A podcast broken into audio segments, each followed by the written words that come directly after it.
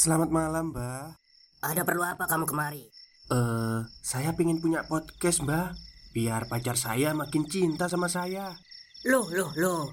Mau bikin podcast kok tanya dukun? Sekarang kamu download aplikasi Anchor.fm. Di situ kamu bisa buat podcast gratis dan podcast kamu bisa didistribusikan ke platform mana pun. Dan di aplikasi atau website Anchor.fm juga terdapat fitur-fitur yang memudahkan kamu untuk membuat podcast. Oh, gitu ya, Mbak. Kalau gitu, saya boleh minta password wifi-nya, Mbak. Buat apa? Buat download Anchor.fm, Mbak.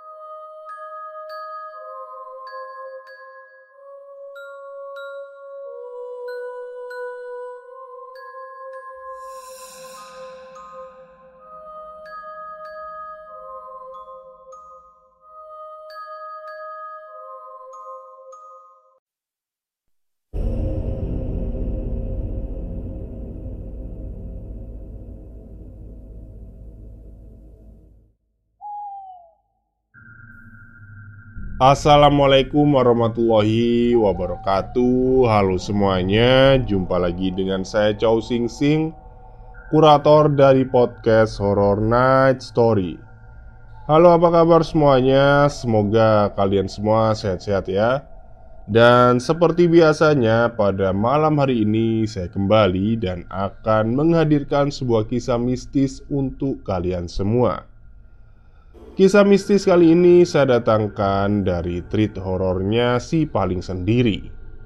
Oke, kisah mistis kali ini pendek ya Karena eh, keadaan tenggorokan saya masih belum pulih sepenuhnya Masih gatel ini. Jadi saya memilih untuk cerita yang pendek-pendek dulu lah. Oke, daripada kita berlama-lama Mari kita simak ceritanya Masa-masa paling hektik bagi mahasiswa junior adalah minggu-minggu menjelang ujian akhir semester. Jadwal kuliah yang padat, tugas-tugas yang numpuk, belum lagi harus berurusan dengan praktikum.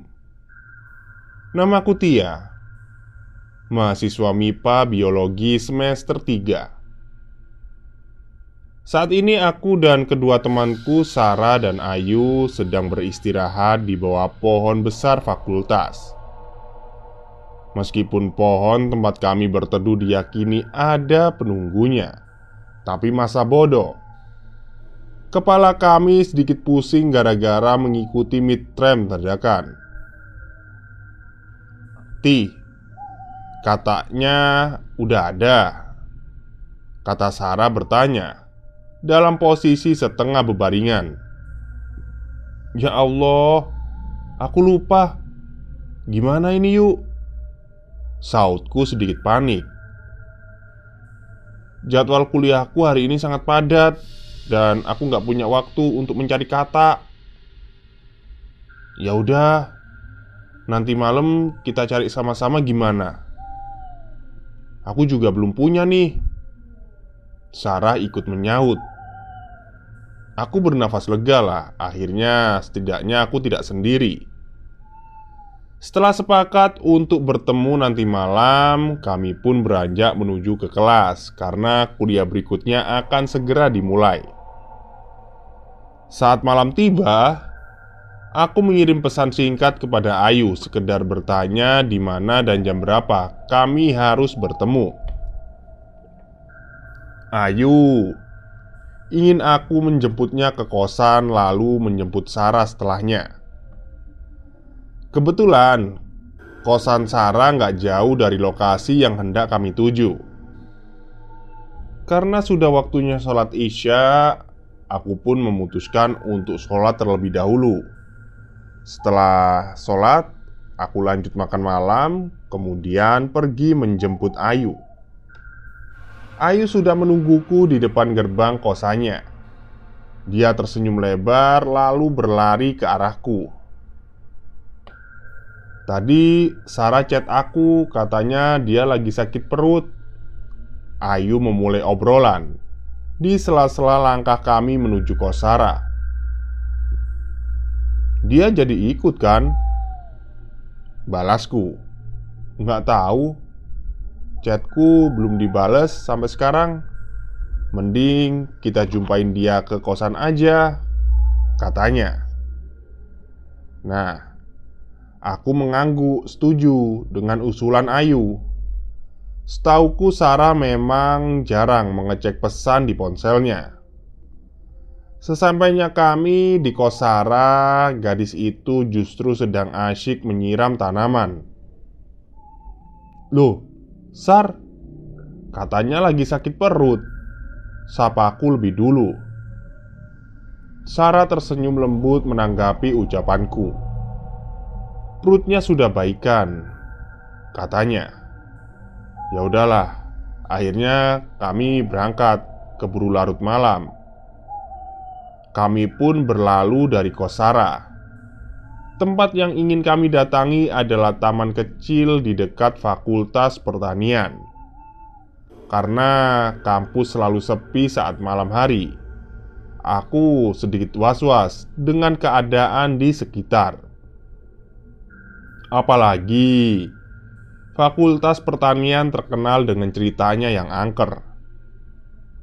Sepanjang perjalanan kami ngobrol riang sekedar untuk membunuh kesunyian Lebih tepatnya hanya aku dan Ayu yang saling bercerita.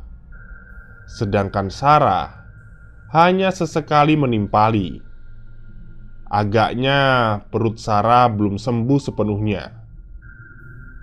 Gak terasa kami sudah sampai di tempat tujuan. Tanpa mengucap apa pun kami segera berpencar mencari katak. Butuh waktu kurang lebih satu jam untuk kami berhasil mengumpulkan tiga ekor katak. Karena sedikit kelelahan, kami memutuskan untuk beristirahat sejenak. Hanya 15 menit. Bagaimanapun waktu terus berjalan dan kami nggak mau berlama-lama berada di tempat yang sepi ini. Saat dalam perjalanan pulang, Ayu terus mengeluh sakit lutut, sehingga kami harus berjalan perlahan. Sedangkan Sarah masih banyak diam seperti sebelumnya. "Sar, masih sakit ya perutnya? Kok dari tadi kamu diem aja?" Aku kembali melempar pertanyaan pada temanku yang lain. Namun, Sosok yang kutanyai membalas pasif. Sarah hanya tersenyum kecil tanpa mengucap sepatah kata pun. Aku dan Ayu saling curi pandang, sedikit bingung dengan sikap Sarah. Padahal dia nampak baik-baik saja, tidak ada kesakitan. Karena terlalu larut dengan pikiran sendiri, ponselku tiba-tiba terlepas lalu mendarat di atas aspal. Refleks, aku jongkok untuk meraih ponselku. Namun, tanpa sengaja, kedua mataku menangkap sesuatu yang sangat menakutkan. Sarah melayang. Tubuhku bergetar ketakutan saat menyadari Kaki Sarah sama sekali nggak menapak di atas permukaan aspal. Aku berusaha agar tetap tenang. Kami masih berada di lingkungan kampus, dan aku nggak mau membuat Ayu pingsan di tempat jika dia mengetahui hal ini. Yuk, jalan lebih cepat lagi bisa kan? Tanyaku. Kenapa, Ti? Lututku masih sakit nih Balas Ayu Ah, nggak ada apa-apa Aku takut kita kemalaman Kataku Sarah masih diam dengan pandangan lurus ke depan Demi Tuhan Aku sangat ketakutan sekarang Bisa kan Yu? Aku mulai mendasar Ayu Meski sudah berusaha keras agar Ayu tidak curiga, namun suara bergetarku terdengar begitu kentara. "Kamu kenapa sih?" Alis Ayu menukik tajam, menandakan dia sedang penasaran. "Enggak, enggak ada apa-apa. Aku cuma pingin cepat sampai karena hari sudah sangat malam." Sautku masih mempertahankan alibi. Sudah malam, apa sudah tahu? Jantungku seakan turun ke lambung. Bulu kuduku kontak berdiri kala mendengar suara lirih gadis di samping kiriku. Aku nggak tahu harus bagaimana lagi. Tanganku menarik kasar tangan Ayu dan menuntunnya untuk segera kabur. Kami berlari kencang tanpa menoleh ke belakang. Bahkan, Ayu yang dari tadi mengeluh kesakitan tiba-tiba bungkam. Sepertinya Ayu baru saja menarik kesimpulan dari tingkah aneh Sarah sejak kami menjemput gadis itu di kosannya. Faktanya, sosok yang ikut bersama kami berdua bukanlah Sarah, karena Sarah yang sebenarnya masih berada di kosan dalam kondisi sakit perut. Tamat.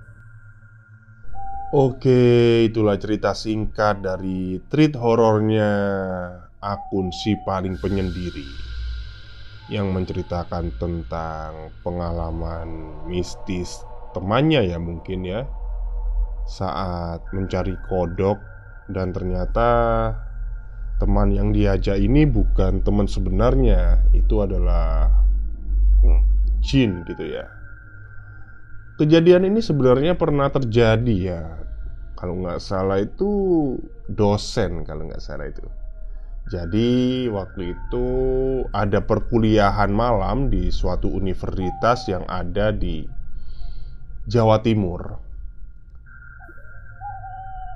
Si ketua kelas itu kan ngomong gitu kan, ada kuliah malam gitu kan.